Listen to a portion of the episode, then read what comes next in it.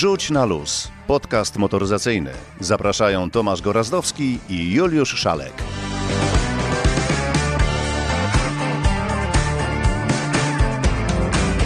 Dzień dobry, dobry wieczór. W końcu nie wiadomo kiedy to pójdzie. 120 odcinek podcastu Rzuć na luz. Taki trochę może bardziej na luzie, bo w końcu wakacje rozpoczęte, wakacje na dobre. Może nie będziemy tak przynudzać bardzo poważnie. A ty już na wakacjach byłeś? Ja nie byłem, ty nie byłeś, ale ludzie są. Wyobraź sobie, nie wszystko kręci się dookoła twojego pępka. I no dobrze, dobrze. Ostatnio też. dzwoniłeś do mnie i pytałeś mnie, czy zimny każdy ma napęd na cztery koła. No więc opowiedziałem ci, a to było związane z planami twoimi wakacyjnymi, więc nie zmuszam cię oczywiście, żebyś opowiadał o swoich planach wakacyjnych, ale samochody w tle są. Proponuję wakacyjnie, w miarę sprawnie, żeby naszym słuchaczom nie zawracać za bardzo gitary. Odczytuję, że mam się streszczać, a tematów Wiesz, dzisiaj bardzo dużo. Jest morze, są jeziora, góry, lasy, więc proszę bardzo, to nie zapowiadajmy, tylko po prostu zaczynajmy. Raz, dwa, trzy, Baba Jaga patrzy. Co ciekawego w świecie moto? Proponuję, żebyśmy zaczęli od tego, co dzieje się dookoła Fiata, bo dużo dookoła... się dzieje. Tak jak no się długo nic nie działo, tak się nagle teraz zaczęło dziać bardzo dużo. Tak, właśnie to chciałem powiedzieć, że cisza, cisza, a tu nagle bach. I o ile o tym drugim Fiacie to, to trochę wiem i mi się bardzo podoba, tak o tym pierwszym Fiacie wiem trochę, trochę mniej. To będę strzelał teraz, uwaga, o tym Fiacie, o którym wiesz, czyli o Fiacie 600. Ten samochód jest trochę ci znany pewnie, a przynajmniej o nim więcej słyszałeś, jak również nasi słuchacze. Ale mniej na pewno słyszeliśmy wszyscy o Fiacie Topolino. Dobrze myślę? Źle myślisz, a akurat to Topolino yy, bardziej no masz, no nie dogonisz, no nie dogonisz. Ale bardzo proszę, ciach, zacznijmy no od to już, mówię tak, 600. Bo, bo, to jest, y, bardzo dużo się dzieje we Fiacie, jak już powiedzieliśmy, ale okazuje się, że jakby tak się wczytać i czytać między wierszami, to ten Fiat 600 to tak naprawdę Fiatem do końca nie jest, bo to jest wspólne auto, no jeśli można tak powiedzieć, a chyba trzeba tak powiedzieć, z Jeepem, bo to jest tak naprawdę Jeep Avenger w przebraniu Fiata. Czyli ten sam dokładnie samochód, y, ta sama platforma, te same napędy, ale oczywiście inny wygląd, bardziej fiatowski. Można powiedzieć, że to taki większy, napompowany Fiat 500. No czyli, właśnie... czyli można powiedzieć, że Avenger to jest po prostu ten samochodzik kanciasty, a 600 to jest ten samochodzik okrągły. Tak, ten okrąglasty i mam takie spostrzeżenie, że Fiat trochę bardzo dobrze, że wprowadza nowe modele, ale tak jakby trochę nie nauczył się po, na swoich błędach, bo pamiętam historię sprzed wielu, wielu lat, kiedy zadebiutowała nowa 500 i była takim sukcesem, takim świetnym powrotem legendarnego modelu, że Fiat właśnie na 500 oparł trochę swoją strategię i przecież pojawiła się 500 LK500X. Wszystkie te samochody były trochę zbudowane na Fiacie 500. I teraz mam wrażenie, że Fiat również znowu opiera na Fiacie 500 ten samochód, który Fiata mógłby 600. Być, tak, mógłby być zupełnie innym autem. No ale to są tylko moje dywagacje, więc y, prawda i fakty są takie, że to jest wspólna platforma, wspólny samochód, ale zewnętrznie on się naprawdę dużo różni od y, Jeepa Avengera i wewnątrz również deska rozdzielcza różni się od Jeepa Avengera, chociaż ta dolna część i główne elementy są dokładnie takie same. No bo na przykład ta konsola środkowa jest wypisz wymaluj z Jeepa Avengera, pokrętła czy wszystkie przyciski, taki panel do sterowania klimatyzacją również jest dokładnie taki sam jak w Jeepie, więc no tak naprawdę mamy do czynienia z zupełnie innym, nowym wyświetlaczem. Jest on mniejszy, bardziej też przypomina ten wyświetlacz Świata 500. Dobra. Napęd elektryczny i teraz pytanie, bo Fiat 600 jest tylko w wersji E600E, a Jeep Avenger jest w wersji elektrycznej, ale to mówiliśmy, że na rynku polskim jest także dostępna wersja spalinowa na rynku polskim i trzech czy czterech innych rynkach w Europie. No widzisz, przyzwyczajać się będziemy do Jeepa Avengera, ale można zaryzykować takie wakacyjne stwierdzenie, że ten Fiat 600 zdaje się w historii motoryzacji wielkimi zgłoskami i złotymi się nie zapisze od po prostu taka kolejna jakaś modyfikacja w rodzinie Fiata. To prawda, Fiat 600 zawsze był w cieniu innych modeli, ale Fiat także kusi y, zupełnie innym samochodem, także elektrycznym, no bo o tych samochodach elektrycznych będziemy mówili coraz częściej i coraz więcej. Kusi samochodem, i tutaj duże prawa dla Fiata, kusi samochodem, który jest mały, ma być w założeniu tani, choć dzisiaj słowo tani jest zdewaluowane i w zasadzie nie wiem, co oznacza, ale auto ma być małe, miejskie i stosunkowo niedrogie. I, I fajnie. Można... I jeżeli chodzi o pierwszego Fiata, to u mnie minus, jeżeli chodzi o drugiego Fiata, to u mnie plus, bo aż się człowiekowi gęba cieszy, jak widzi tego takiego małego stworka. Mm, y, Fiat Topolino, możemy powiedzieć, że o nim mówimy. Taki mały stworek, jakby żywcem wzięty z kreskówki Cars. Dokładnie tak, tylko kłopot z tym samochodem jest taki, że to jest znowuż wspólne dzieło yy, koncernowe i tak naprawdę jeśli bystrzy słuchacze oglądali to, co dzieje się w mediach społecznościowych, na pewno zauważyli yy, samochód, który nazywa się Citroën Ami i właśnie Citroen Ami, który w Monte Carlo jechał i no niestety się przewrócił. No nie trudno odgadnąć, że ten samochód, czyli Fiat Topolino, też podatny jest na takie wywrotki. To jest dokładnie taka sama konstrukcja, mały samochód, ale niestety wąski. Tam się mieszczą dwie osoby obok siebie, ale niestety chude i mam wrażenie, że my chudzi jesteśmy, ale obok siebie byśmy się w tym samochodzie nie zmieścili. 2,5 metra długości, szerokość no to jest no zaryzykuję 1,50 m w porywach, y, tylko dwa miejsca, niewielki bagażnik, ale co do idei małego miejskiego elektryka, to jest naprawdę świetny pomysł. Pytanie oczywiście, ile on będzie kosztować i czy trafi w ogóle do sprzedaży, bo y, też dużo się mówi, mówi o tym, że to będzie samochód, który będzie stworzony dla wypożyczalni, dla car sharingu, więc zobaczymy. Y, konstrukcja wspólna z Citroenem AMI. Zabawne jest to, i to też jest taki mm, ukłon w stronę właśnie wygodnej elektromobilności, że dzięki temu, że to jest mały samochód, można było zastosować niewielki silnik i niewielką i lekką baterię baterię, która tak naprawdę ładowana jest ze zwykłego gniazdka, zwykłym kablem, takim z zwykłą wtyczką. 480 kg to autko waży. Yy, moc tego silnika elektrycznego no to jest 8,2 konia mechanicznego, więc to jest niedużo. No i teraz uwaga, bo tak naprawdę Fiat Topolino samochodem nie jest, bo to jest pojazd, który jest zarejestrowany jako, no w zasadzie jako kład, y, czyli y, de facto samochodem nazwać tego nie można, ale to ma spowodować, że po prostu dostępność tego samochodu będzie większa, wszyscy będą mogli tym samochodem jeździć, cieszyć się, bo faktycznie y, no, wygląda ten samochód nieziemsko. I teraz ja wtrącam swoje trzy grosze, bo y, słuchacze zapewne zdołali się zorientować, że dzisiaj nagrywamy na odległość. W związku z tym, panie kochany, jak będziesz taki monolog ciągnął, to nie będę miał szansy wejść w słowo. Musisz czasami zrobić. od czasu do czasu brać głębszy oddech i wtedy wszystko się uda. Rzeczywiście, nawiązując do tego, co powiedziałeś, to zdaje się o sukcesie bądź porażce Topolino zadecyduje cena. Jeżeli cena będzie rozsądna, to na takie fajne, małe elektryczne autko na pewno znajdą się chętni. Takie, które wszędzie jest y, do zaparkowania, takie, które niewiele waży, zatem niewiele pali, szybko się ładuje i tak dalej, i tak dalej. Zrobiłeś pauzę, dzisiaj... więc ja się na chwilę wtrącę. Powiedz mi, a ile taki samochód twoim zdaniem powinien kosztować, żeby miał rację bytu i żeby spowodował, że ktoś, kto nie chce samochodu, może sobie takiego, taki pojazd kupić? Ile to powinno kosztować? A, to dobre pytanie. Trochę mnie zastrzeliłeś. 55? Tysięcy? No to niewiele się pomyliłeś, bo ten samochód ma oscylować gdzieś w granicy 10 tysięcy euro. Nie ma przekroczyć tej granicy, no czyli takich naprawdę 45 tysięcy. Tak jest skalkulowana y, cena, przynajmniej we Włoszech. Można ją jeszcze obniżyć o 3 tysiące, ale tak naprawdę włoskie 3000, bo tam jest taki system wsparcia do, do zakupu takich pojazdów. Więc jeśli u nas miałby taki samochód kosztować około 45 tysięcy, myślę, że byłby jednak ciekawą alternatywą dla wszystkich, którzy potrzebują jednak takiego pojazdu i już. Słyszę te dzwony, słyszę te dzwony. No dobrze, widzisz, to yy, lecimy dalej, bo mamy Nie, bo jeszcze muszę powiedzieć tylko, że zasięg to jest 75 kilometrów.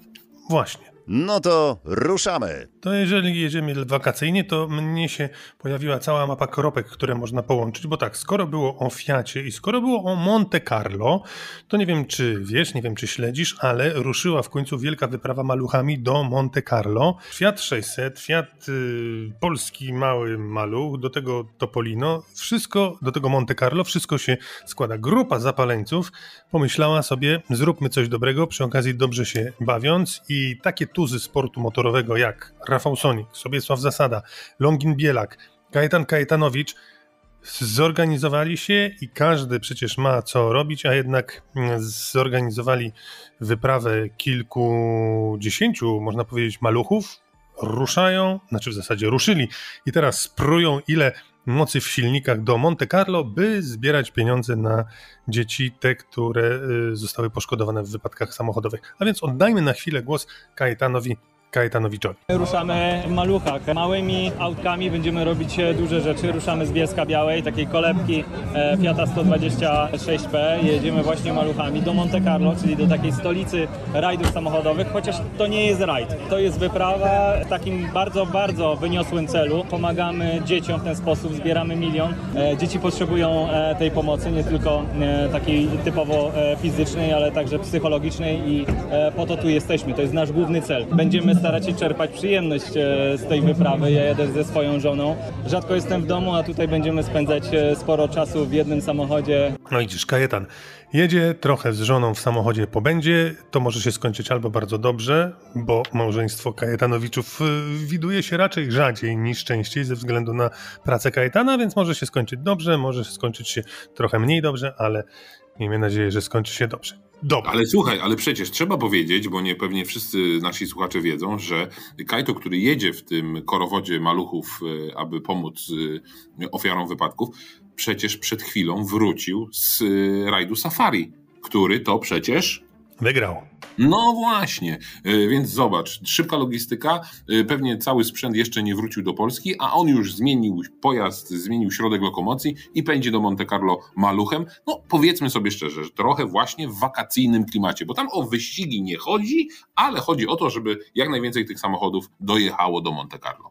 No więc y, mamy zgrabne połączenie kropek. Z drugiej strony teraz te kropki powędrują w inną stronę.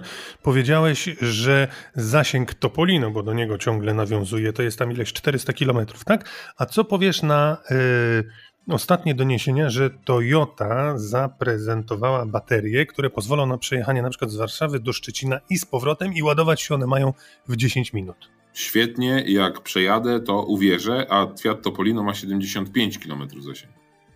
A, no to te 400 dodałem tak chyba Do, tak. z dobrego serca.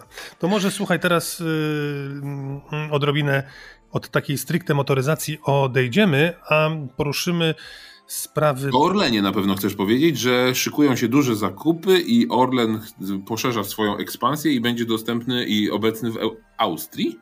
Nie, zupełnie nie o tym chciałem powiedzieć, ale skoro mam łączyć kropki, to oczywiście o Orlenie mogę dodać, bo znowu wróciła sprawa dopłat dla księży. Więc U. proboszcz może y, kupić sobie na Orlenie benzynę tańszą o 16 groszy na, groszy na litrze. No nie ale teraz proboszcz, każdy ale... może sobie kupić tańszą y, benzynę i tańszy olej napędowy o 30 groszy i nie ale... tylko na Orlenie, ale na wielu innych stacjach. No ale na Orlenie możesz taniej kupić, ale proboszcz nie mówię, Czyli poczekaj, to jest tak, te... może jeszcze 16 groszy od tego Czyli odjąć. promocja się łączy, czyli 30 groszy taniej, 40 jeśli ksiądz ma kartę dużej rodziny, a dlaczego miałby nie mieć i 16 z racji wykonywanego zawodu, tak? Jak najbardziej. Do tego jeszcze 500 plus i 800 plus i słuchaj, można naprawdę wyżyć. Tak. I co łaska za ślub, pogrzeb, chrzciny i bierzmowanie.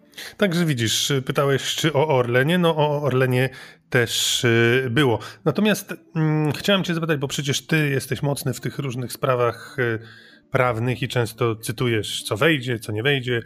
Zaskoczyła mnie informacja, że Trybunał Konstytucyjny postanowił, a w zasadzie zajął stanowisko, że kiedy jedziesz po pijaku samochodem osobowym i oczywiście zostaniesz złapany i stracisz prawo jazdy, to tracisz prawo jazdy, ale tylko na ten samochód osobowy. Jeżeli masz prawo jazdy na motocykl, albo na ciężarówkę, albo na ciągnik, do tych uprawnień nie trafisz. Nie trafisz. Tak jest, tak orzekł Trybunał Konstytucyjny. Ja dodam, że to doprecyzuje, że tracisz tę kategorię, na której spowodowałeś no, wykroczenie albo przestępstwo, y, bo tutaj musimy to rozróżnić jednak, ale jeśli faktycznie jedziesz samochodem osobowym i zabrano ci prawo jazdy za jazdę pod wpływem alkoholu. A masz prawo jazdy na ciężarówkę albo na autobus, to, to tracisz sobie tylko autobusem. i wyłącznie na samochód osobowy. I Kompletny tak samo na ciężarówkę, i tak samo na motocykl. Dokładnie tak jest. Kompletny I bezsens. oczywiście Trybunał, Trybunał Konstytucyjny e, uzasadnił tą swoją decyzję. E, no, wiesz, dużo tutaj pada różnych słów. Co do zasady, wydaje mi się, że właśnie powinno być, e, może nie odwrotnie, ale jeśli kierowca, który ma wiele kategorii, czyli powinien teoretycznie mieć większą świadomość tego, jak niebezpiecznie postępuje wsiadając y, po alkoholu za kierownicę, powinien być surowiej traktowany, a szczególnie jeśli jest to kierowca zawodowy.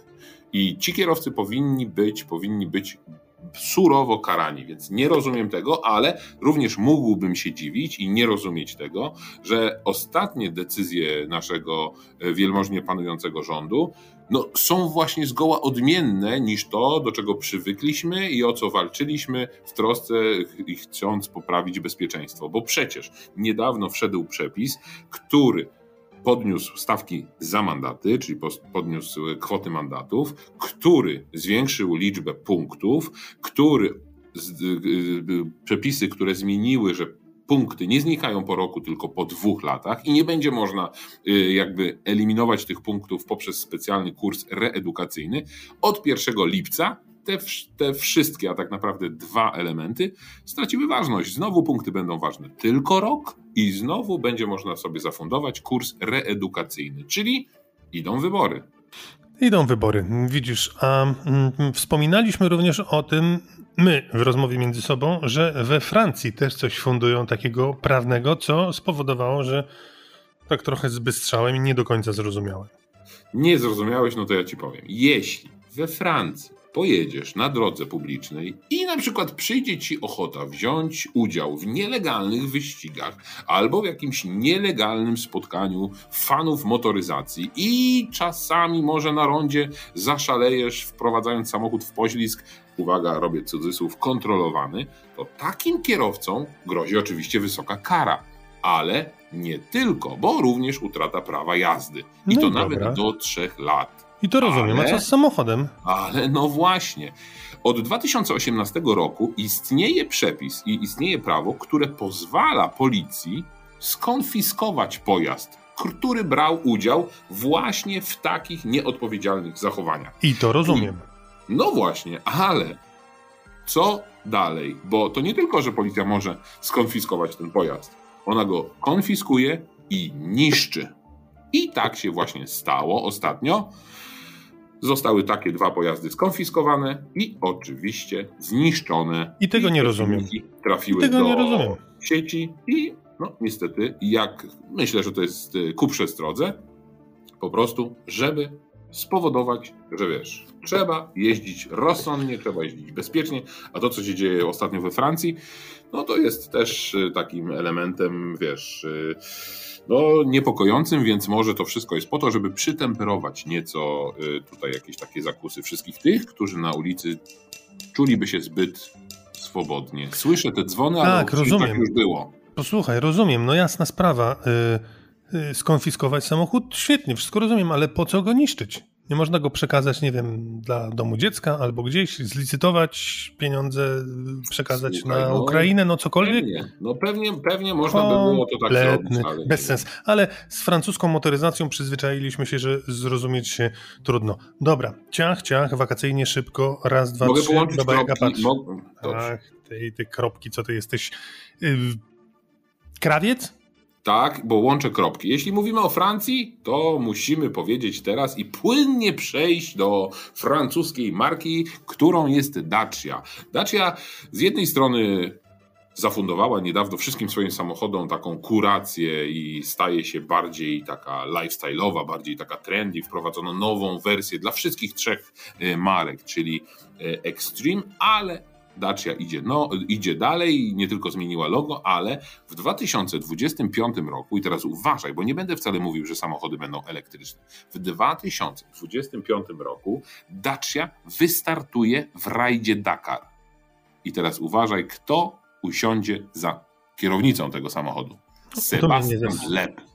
To mnie nie zaskoczy, że właśnie powiedziałem, że będzie to. No ja wiem, że ty wiedziałeś, ale nasi słuchacze na pewno nie wiedzieli, przynajmniej nie wszyscy, więc ja mam takie spostrzeżenie i ty popraw mnie, jeśli się mylę, że jeśli Sebastian Leb bierze się za coś, to bierze się za coś na serio. Oczywiście ten facet już nic nie musi w świecie e, motorsportu, ale przyznasz, że jeśli e, no, rajdowy mistrz świata siada i startuje do rajdu Dakar, to nie po to, żeby woził tam tyłek, tylko po to, żeby tam powalczyć o dobre miejsce. I tylko miałem taką refleksję i tak sobie pomyślałem, połączyłem kropki i mówię 2025, bardzo dobrze, że nie w 2024, bo w przyszłym roku w rajdzie Dakar startuje Hołek. To nie jest tak oczywiście, że ona będzie startować w kategorii samochodów produkcyjnych, czyli na przykład Dustera zobaczymy na rajdzie Dakar? Nie, tak, bo to będzie, rajdowy pro, to będzie rajdowy prototyp yy, i yy, rajdowy prototyp, którego współtwórcą będzie oczywiście brytyjski ProDrive, a to jest już marka, która no, ma spore doświadczenie, działa od 40 lat, ale ma spore doświadczenie w opracowywaniu samochodów rajdowych, więc naprawdę tutaj wszystko się zgadza. Tak, no może rzeczywiście to będzie coś ciekawego. Dakar sam w sobie jest ciekawy, w związku z tym, no, im więcej znanych zawodników, im więcej firm i samochodów, które próbują zamieszać w stawce, tym lepiej. Oczywiście za Hołka trzymamy kciuki. Wrzuć na luz, wyluzuj. To teraz słuchaj o tej motoryzacji, takiej stricte motoryzacji, trzymajmy się. Yy, możemy otworzyć dzisiaj kącik kolejnych modeli, które znikają, bo tym razem ja o tym wspomnę. Znika model, no taki, który zapisał się w przeciwieństwie do Fiata 600 naprawdę z złotymi zgłoskami w historii motoryzacji po 47 latach produkcji. Po sprzedaniu 18 milionów sztuk Ford przestaje produkować Forda, rzecz jasna, Fiestę. Tak jest, a wszystko przez suwy i elektryki, a Ford Fiesta to był naprawdę bardzo udany, bardzo mały samochód miejski, który doczekał się także wersji, no takiej usportowionej, czyli ST. I to było naprawdę dzikie dziecko motoryzacji, tej motoryzacji spalinowej, no bo to tam wcale mały silnik nie był pod maską tego samochodu, no ale niestety takie czasy, że takich samochodów będzie już coraz, coraz mniej ale widzisz, ja się trochę dziwię, bo jeszcze w 2022 roku to był jeden z najpopularniejszych samochodów sprzedawanych na przykład na Wyspach Brytyjskich, o ile nie najpopularniejszy. W związku z tym być może nie sprzeda się tego samochodu w takiej liczbie, jakiej sprzedający chcieliby, ale jednak no, nie jest to samochód, który wszyscy omijają szerokim łukiem. Zgodzę się, ale, ale jeśli masz do, do wyboru Pumę na przykład, no to już zaczynasz się zastanawiać, tym bardziej, że Fiesta ostatnio podrożała, y, a Puma zyskuje na popularności, no i jednak tej przestrzeni niektórzy szukają więcej, więc niestety moda wzięła górę i Puma przebiła Fiestę, no i niestety. Pamiętasz jak było z Fordem K? Tak samo było z Fordem K. Takie miejskie samochody. No, ale nie, nie porównuj Forda K do, do Forda no, Fiesty. Jednak K to był taki wymysł, a Fiesta to był samochód, który sprzedał się w 18 milionach. Słuchaj, to teraz ja, że ja, ponieważ ja trzymam volant, ja trzymam kierownicę i nadaję rytm, ty dyktujesz tempo, znaczy ja też dyktuję tempo, to teraz powiem, że yy, Zajrzymy do naszego kącika historycznego, a zatem Antoni Grudniewski ma głos. Nie wiem tym razem, gdzie nas to zaprowadzi, ale jak już nas zaprowadzi, to po chwili znowu wrócimy do małego samochodu, który wcale z rynku nie znika, a wręcz przeciwnie, pojawiają się nowe wersje i znamy też nowe cenniki. To się naprawdę wydarzyło w świecie motoryzacji. Mijają dni, tygodnie, miesiące, a tematów, które warto byłoby Wam przybliżyć, nie ubywa. Wręcz przeciwnie. Kiedy przed tygodniem opowiadałem o historii hot hatchy, w których znaczącą rolę odegrał Mini, pomyślałem, że nie ma co tak latać. Zostańmy na Wyspach Brytyjskich, bo tam w 1952 roku powstała marka wyjątkowa, która miała się dobrze aż do momentu śmierci jej założyciela Colina Chapmana, który odszedł 30 lat później. Człowiek ten był konstruktorem, wizjonerem, osobą, która żyła po to, by projektować lepiej, szybciej, ale przede wszystkim lżej. Na tym zależało mu najbardziej. Wiedział, że mocy w autach można dokładać w nieskończoność, ale prawdziwą sztuką jest je odchudzać, sprawiać, by konstrukcja była coraz lżejsza. Wizja przepadła wraz z jego śmiercią w 1982 roku. Tak przynajmniej się wydawało. Następni właściciele mieli w głowie raczej zysk, zysk i jeszcze raz zysk. Chociażby General Motors, które przejęło markę w 1986 roku, a za ich panowania Lotus zaprezentował model Elan. Z jednej strony świetny, chwalony, o niesamowicie precyzyjnym układzie kierowniczym, ale to było sportowe auto ważące o dużo za dużo i z przednim napędem. Nie, nie przesłyszeliście się. Zatem ci, którzy mieli zwątpić w markę, zwątpili. Ale promyk światła pojawił się w 1993 roku, kiedy to na czele firmy stanął Romano Artioli, również właściciel Bugatti, któremu wizja Chapmana była naprawdę bliska. I tak już niebawem zaprezentowano światu model Elise. Mały, smukły, chudziutki taki. I właśnie to było najważniejsze – bo na kim robi wrażenie moc 120 koni mechanicznych? Na nikim, ale należy wtedy jeszcze zapytać, a ile to to waży? I docieramy do sedna 690 kg. Dla porównania jakże ważnego, w tym samym roku na rynku pojawia się Porsche Boxster i co z tego, że ma 200 koni, skoro ważyło 1250 kg? Stosunek mocy do wagi słabiutki. Lotus miał aspiracje, żeby powrócić do motorsportu, gdzie na przełomie lat 60. i 70. święcił triumfy. Udało się. Na tor wypuszczono model Sport Elise, żeby rok później, w 2000 roku, wypuścić jego serię drogową o nazwie Exige. I wszystko się zgadzało, przede wszystkim wagowo, aż do 2003 roku, kiedy świat zobaczył jego drugą odsłonę. I tu zaczęło się robić ociężale.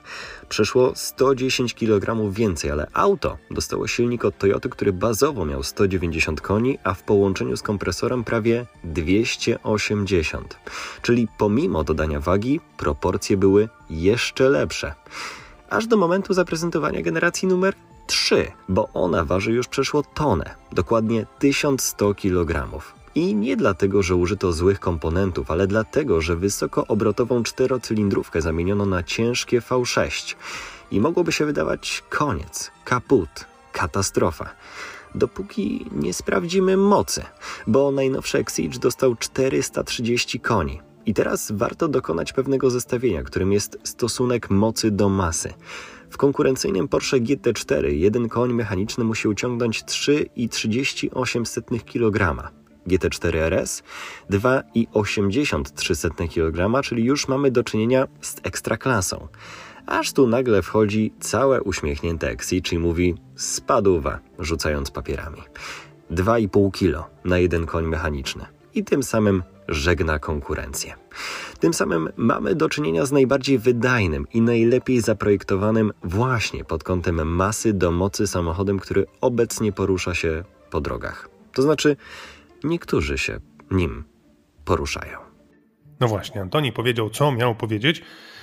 Ciekawe wsłuchiwanie się w tę historię motoryzacji. Co prawda, Bo historia jest zawsze ciekawa, mój drogi, zawsze ciekawa. Mówimy tak, to mój to ojciec. Prawda. Ale teraz słuchaj, yy, no to też jest kawał historii, bo. No właśnie, a ja o... tutaj ci wtrącę i, i zapytam, a o jakim małym samochodzie myślisz? Bo jeszcze musimy powiedzieć o dwóch małych, o jednym mniejszym i o jednym większym. Nie wiem, który jest który, ale ja bym chciał powiedzieć o Toyocie Yaris. Czyli o tym większym. Okej, okay. no pojawia się nowa wersja Toyoty Yaris. Skromny malutki. facelifting, malutki facelifting, to prawda. Malutki samochód, natomiast ceny wcale nie malutkie. Tak, ale bo... wiesz, malutki niby malutki, ale mocniejsza, yy, mocniejszy układ napędowy, bogatsze wyposażenie, więc to już może nam sugerować, że ta cena będzie jaka? No na pewno nie niższa prawda? No nie, niższa nie, bo silnik większy to i cena wyższa. 84 900 zł to taka wersja mm, Golas. Tak, Ale ja tylko dodam, że ten układ napędowy, ja tylko dodam, że ten układ napędowy to nie 116, a 130 koni mechanicznych, więc no to całkiem nieźle. Oczywiście układ napędowy hybrydowy. Ale Toyota szczyci się tym i chwali się tym, że u nich Golas to wcale nie taki Golas, to taki już całkiem wyposażony i całkiem przyzwoity samochodzik.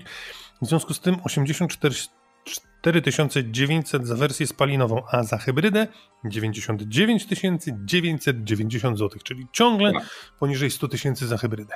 No tak, ale teraz zobacz, taka krótka analiza tego cennika, 84 900 wersja Active i tu masz y, wersję spalinową 15125 koni mechanicznych, ta hybryda to jest ta stara poniżej stówy, 99 990 zł, a edycji premierowej masz ten nowy układ napędowy, czyli tą hybrydę nowej generacji o mocy 130 koni i ten samochód, uważaj, uważaj, nie spadnij z krzesła, kosztuje 128 900 Ulala. tak?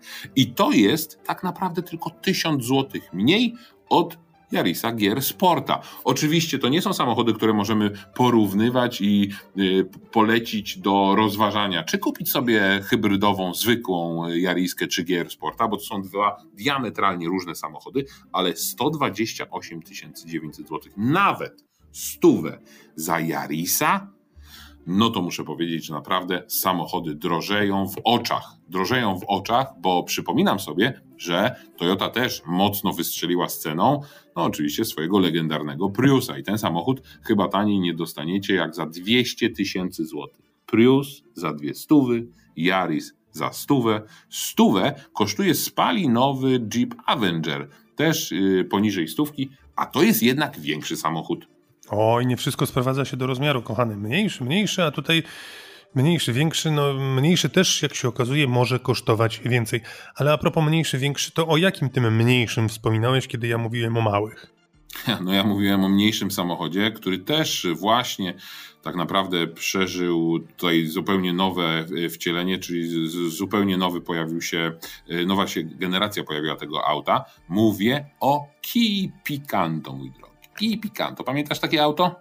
Bo to jest segment bardzo nieoczywisty, bardzo niszowy, mały samochód miejski. Pamiętam. europejski. Jak No najbardziej. właśnie. Pamiętam, bardzo mi się podobał. Zawsze uważałem, że jest miejsce dla takiego malucha i wydaje mi się nawet, że przez jakiś czas to był najtańszy samochód na rynku, pomijając ten jakiś ten Golasa Daci. To prawda, aczkolwiek to już się zmieniło, bo teraz najtańszy jest Hyundai i10, ale wracając do Kia Picanto, mam wrażenie, bo generalnie musimy powiedzieć, że samochody Kia no, naprawdę nabrały takiego bardzo sznytu yy, przyjemnego dla oka i te samochody wyglądają bardzo, bardzo atrakcyjnie. Czego nie można, niestety mówię to z bólem serca, powiedzieć, przynajmniej o przodzie Kia Picanto, bo ten samochód wygląda no naprawdę jakby tutaj komuś coś się poodwracało, odwrócony zderzak do góry nogami, światła przekombinowane. Może to wszystko jest ładne, ale nie w tak małych, kompaktowych rozmiarach. Niby tu obłości, niby ostre kształty, felgi kwadratowe yy, przynajmniej sprawiają optycznie wrażenie, że są kwadratowe, więc coś tutaj moim zdaniem poszło nie tak. I pytanie teraz tylko, czy to jest moje zdanie i mi się nie podoba ten samochód, czy naprawdę y, ludziom się to auto spodoba. Mam A, wrażenie, zobaczymy. że sprawdzimy. Tak. Zobaczymy, zobaczymy. Rynek odpowie na to pytanie. Dzisiaj powiem Ci, że jadąc na trasie ekspresowej widziałem kiję, tylko mignęła mi tak, tak, że nie dostrzegłem nazwy i czy Ty kojarzysz? To był samochód sprzed dobrych kilkunastu lat. Czy Ty kojarzysz jakąś kiję sedan? Kia Sedan, Hyundai Elantra jest, czyli Kia musi mieć swojego odpowiednika. Yy, Kia No widzisz, sam, sam nie wiesz, ja też nie wiem, nie przypominam sobie tak od, od ręki. Oczywiście ona była gdzieś produkowana, w Polsce zupełnie niepopularny, ale no powiem Stinger ci, można. Po, s- s- Nie, Stinger, nie, no. nie, nie, nie, nie, nie, gdzie jest Stinger? Optima? Nie, nie, nie, nie, nie. Ale że starsza jeszcze, tak? O, dużo starsza, dużo starsza, ale powiem ci, że zwróciłem na to uwagę, bo tak obrzydliwego samochodu już dawno nie widziałem. No właśnie, no bo Kia miała takie czasy. Tam się nic nie zgadzało z niczym. Ten, no dobra. W każdym razie to e, jako ciekawostka mówię, można poszukać sobie tak gdzieś sprzed 20 albo 25 lat Kia Sedan. Takie samochody. Poszukajcie sobie też, poszukajcie były. sobie też y, Kii Picanto z przodu, z tyłu. Bardzo ciekawie to auto wygląda, ale może to jest właśnie sposób na to, by zwrócić na siebie uwagę i no, generalnie spowodować, że ten samochód jakoś będzie się jednak sprzedawał. Czy jeszcze możemy o czymś powiedzieć? Tak, oddajmy głos Tomkowi Okurowskiemu, który w sprawach Nie technologicznych zawsze ma co do powiedzenia. W związku z tym chwila dla Gila, chwila dla Tomka. Włącz, wyłącz, uruchom ponownie. O technice i elektronice Tomasz Okurowski. Minister do spraw m.in. rozwoju sieci fotoradarów w Polsce inwestuje w ostrzegacz drogowy, niektóre media okrzyczały go nawet z inwestycją w antyradar. No, zapewne takie wiadomości już do Was dotarły, czyli poseł, minister, ale także i kierowca, czyli e, Adamczyk, Andrzej Adamczyk zainwestował, a ściślej zainwestował za pośrednictwem biura poselskiego w nowe urządzenie do samochodu, czyli antyradar i to takiej dość bogatej wersji, bo Janosik GTR kosztował go ponad 1400 zł, o czym poinformował dziennik Fakt. Czy 1400 zł to dużo czy mało? I przede wszystkim, co dokładnie kupił minister Adamczyk? Wyjaśnia. Zacznijmy od tego, że minister zainwestował w urządzenie, które jest popularne, nazywane po prostu ostrzegaczem drogowym.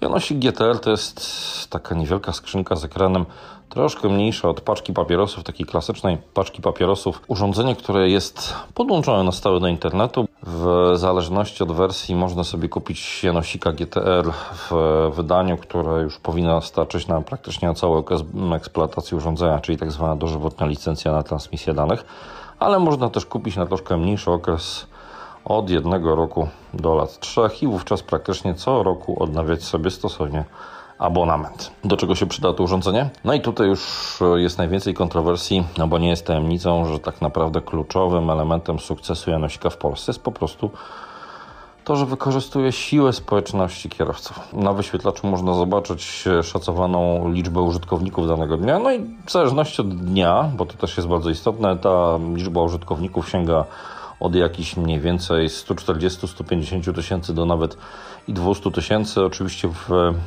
w nocy tych użytkowników jest mniej. W weekendy, szczególnie takie najbardziej oblegane, może być użytkowników, uwaga, więcej, ale też zdarzają się sytuacje, kiedy ta liczba użytkowników spada mm, poniżej 100 e, tysięcy. Sam Janosik chwali się, że ta społeczność generuje średnio co 3 sekundy jakiś komunikat. No bo ten ostrzegacz służy do wzajemnej komunikacji kierowców, czyli możemy odbierać ostrzeżenia, ale też je i wysyłać. No, odbieranie ostrzeżeń przypuszczam, że to będzie forma, z której najczęściej będą korzystali, czy korzystają kierowcy i użytkownicy, czy aplikacji Janosik, czy takich terminali jak Janosik GTR i znacznie nowszego GTM. No bo te ostrzeżenia dotyczą przede wszystkim fotoradarów, czyli tych wszystkich e, takich stacjonarnych kontroli prędkości, czyli to dotyczy również przejazdu na czerwonym świetle czy odcinkowych pomiarów prędkości. Dotyczy także nieoznakowanych radiowozów i również takich kontroli ad hoc, czyli po prostu można tak umownie przyjąć policjantów czających się w krzakach z suszarą. Ale to nie wszystko. Janosik także informuje o korkach, o wypadkach.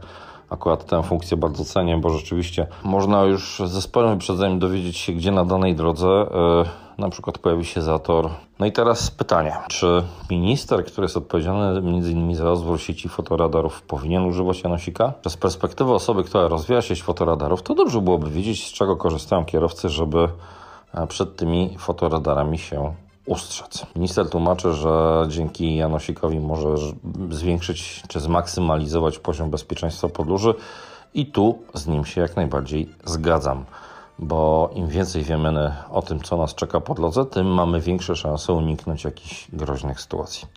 Ale też trudno zgodzić mi się z ministrem, kiedy na przykład wyjaśnia, że tenże GTR pomaga mu na przykład ominąć jakieś zagrożenia na drodze w postaci korków. No nie do końca, bo owszem, on będzie informował o tym, że gdzieś tam przed nami pojawi się znaczące utrudnienie, ale to jest tylko ostrzegacz, a nie jest nawigacja. Jeżeli chcemy skorzystać z funkcji nawigacji, to paradoksalnie nie musimy wydawać żadnych pieniędzy, bo wystarczy bezpłatna aplikacja Janosik e, w smartfonie, która jest połączeniem m.in. ostrzegacza i aplikacji nawigacyjnej, która prowadzi lepiej lub gorzej, ale jednak. Czy warto używać Janosika? Ja używam na co dzień i sobie chwalę. Nie ukrywam też, że korzystam również i z innych aplikacji.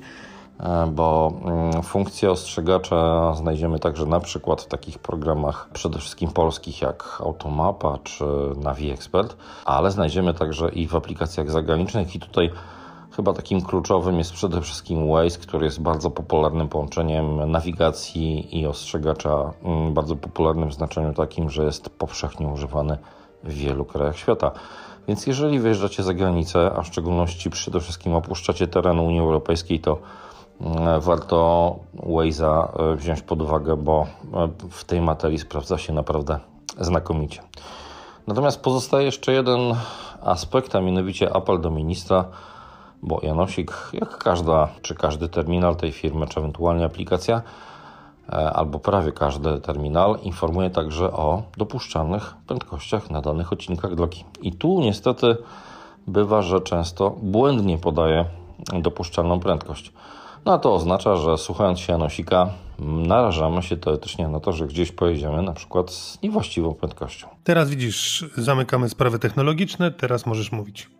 Chciałem tylko powiedzieć, że mówiliśmy o tym już tydzień temu, ale warto przypomnieć, że dwa odcinki y, państwowych autostrad są za darmo, ale otóż wybuchła informacja, że Kulczykowa autostrada, czyli autostrada A2, będzie sprzedana. I tutaj posypały się spekulacje. Czy to już rząd kupił tą autostradę? Nie, uspokajamy. Autostrada cały czas będzie płatna, tylko po prostu Sebastian Kulczyk, y, właściciel y, udziałów y, w spółce Autostrada Wielkopolska, a tak naprawdę w firmie, która zarządza tą autostradą, sprzedał swoje udziały i teraz w całości tą autostradą zarządzają Francuzi.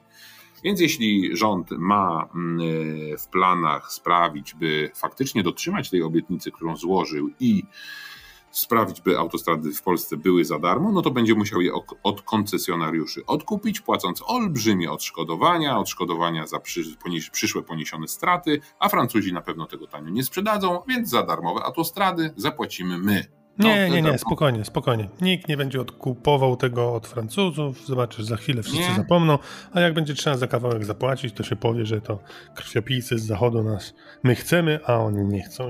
Słuchaj, jeszcze na koniec muszę, muszę to powiedzieć. Wrzuć na luz, wyluzuj. To jest w sumie ważny temat, ale taki trochę około motoryzacyjny, a w zasadzie jakby się zastanowić, to jednak motoryzacyjny, bo my żyjąc w świecie motoryzacji trochę już na ten temat wiemy i słyszymy, że dużo się o tym mówiło od pewnego czasu. Chodzi o zmianę modelu y, sprzedaży samochodów.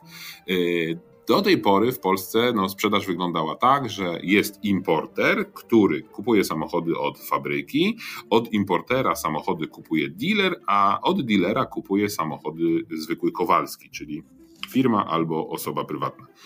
Kupra jako pierwsza zmieniła ten model sprzedaży i to dotyczy na razie samochodów elektrycznych, i w dużym skrócie wygląda to trochę tak, że chce pominąć dealera. Oczywiście dealer jest i dealer będzie potrzebny, bo klient będzie kontaktować się tak naprawdę z dealerem, będzie tam odbierał auto i tam je serwisował, ale co ciekawe, chcąc kupić samochód, tak naprawdę kupię go nie od dealera, tylko od importera to taka mm, może ciekawostka, który. No tak, ale to już i Mitsubishi z tym kombinowało, i, wszyscy, i właśnie, Nissan będzie kombinował. kombinują, wszyscy z tym kombinują, ale Cupra jako pierwsza wprowadziła to w Polsce. I oczywiście można wysnuć wniosek, że Cupra, która należy do grupy Volkswagena, jest y, pierwszą marką, która przeciera szlaki i niebawem właśnie taki system sprzedaży y, będzie obowiązywał. Pytanie oczywiście, co zmienia to y, dla ostatecznego klienta. No, pewnie te samochody tańsze nie będą, po prostu zmienia się ten model sprzedaży samochodów, ale to wszystko wzięło się stąd, że Tesla wprowadziła właśnie system sprzedaży taki, y, w którym kupujemy samochód nie u dealera, tylko na stronie internetowej. E, I to jest trochę właśnie mm, no, efekt tego, jak Tesla sprzedaje samochody. Juliuszu drogi, ale to jest naprawdę temat na kolejny odcinek, żeby się nad tym zastanowić. Na zimowy co z tego będzie wynikało, no, dlaczego tak się dzieje i ja to już chciałem podywagować, a ty jak zawsze mnie uciszyłeś. Tak. Na koniec, Ach, słuchaj, czy y, masz Hyundai Tucsona? Nie, ale mam znajomego, który ma. No właśnie, daleko szukać nie trzeba. Widzisz, ja mam i włosy mi się stanęły na głowie, ponieważ wiesz, że to jest najchętniej kradziony samochód? I co zrobiłeś y, z tą informacją? Otóż nic, ale chciałem tylko powiedzieć, że jeżeli komuś się wydaje, że nie warto na przykład ubezpieczać samochodu, otóż ciągle przekonuję go, że warto. 6157 pojazdów e, osobowych i dostawczych skradziono w Polsce w zeszłym roku, a jeżeli ktoś mieszka na przykład w Warszawie albo na Mazowszu, no to powinien być czujny dwukrotnie, bo aż 40% wszystkich skradzionych samochodów to było właśnie na Mazowszu, czyli czytaj po prostu w Warszawie. Toyota, Audi, Volkswagen najchętniej kradzione, Tucson zrobił się bardzo popularny, 192 sztuki wyparowały. Wspaniale. No to ja kończąc ten wakacyjny odcinek, nie będę opowiadał teraz o cenach wynajmu kamperów, bo kto nie wynajął kampera, to już na wakacje kamperem nie pojedzie, ale chciałbym trochę o bezpieczeństwie powiedzieć, ale nie w kontekście takim, że jedźcie wolniej i uważajcie na ograniczenia prędkości, tylko chciałbym powiedzieć, że jak pokazują statystyki, właśnie latem dochodzi do największej liczby wypadków i te najgorsze miesiące to jest czerwiec, lipiec i sierpień, czyli jesteśmy w samym oku cyklonu. 30% wszystkich wypadków właśnie zdarza się w tych trzech miesiącach, więc no cóż, trzeba jednak uważać, bo to są dane statystyczne, a ze statystyką nie ma co y, iść na bakier, bo ja i mój pies mamy statystycznie po trzy nogi. No tak, ja na przykład y, widziałem cię na trzech nogach. Panie Juliuszu, panie Juliuszu, to y, dziękuję. Dziękuję za uwagę i usłyszymy się za tydzień, jak wszystko dobrze się ułoży, w 121 odcinku. Już mam nadzieję, że twarzą w twarz, face to face, Facebook, Facebook. No tak, nie mówimy, kogo nie ma w tym tygodniu na miejscu, że się tak spotykać nie możemy. Wyciągnijcie wnioski sami. Do usłyszenia, dziękujemy.